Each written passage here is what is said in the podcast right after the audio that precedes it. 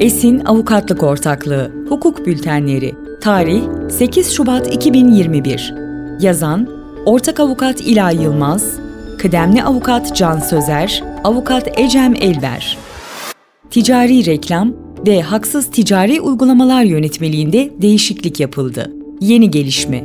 Ticaret Bakanlığı 3 Şubat 2021 tarihinde ticari reklam ve haksız ticari uygulamalar yönetmeliğinde değişiklik yaptı. Değişiklikler kapsamında yönetmelik ekinde yer alan haksız ticari uygulama olarak kabul edilen örnek uygulamalar listesine yeni bir aldatıcı ticari uygulama eklendi. Ne değişecek?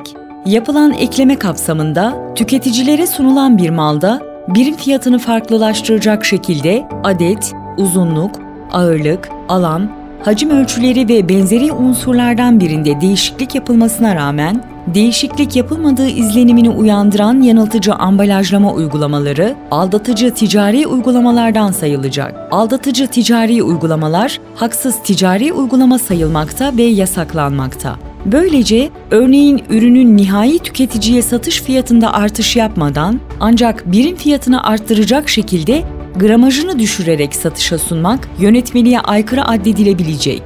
Yönetmelik kapsamında haksız ticari uygulamalarda bulunan şirketler aleyhine uygulanacak müeyyideler, tüketicinin korunması hakkında kanunun 77. maddesinde düzenleniyor.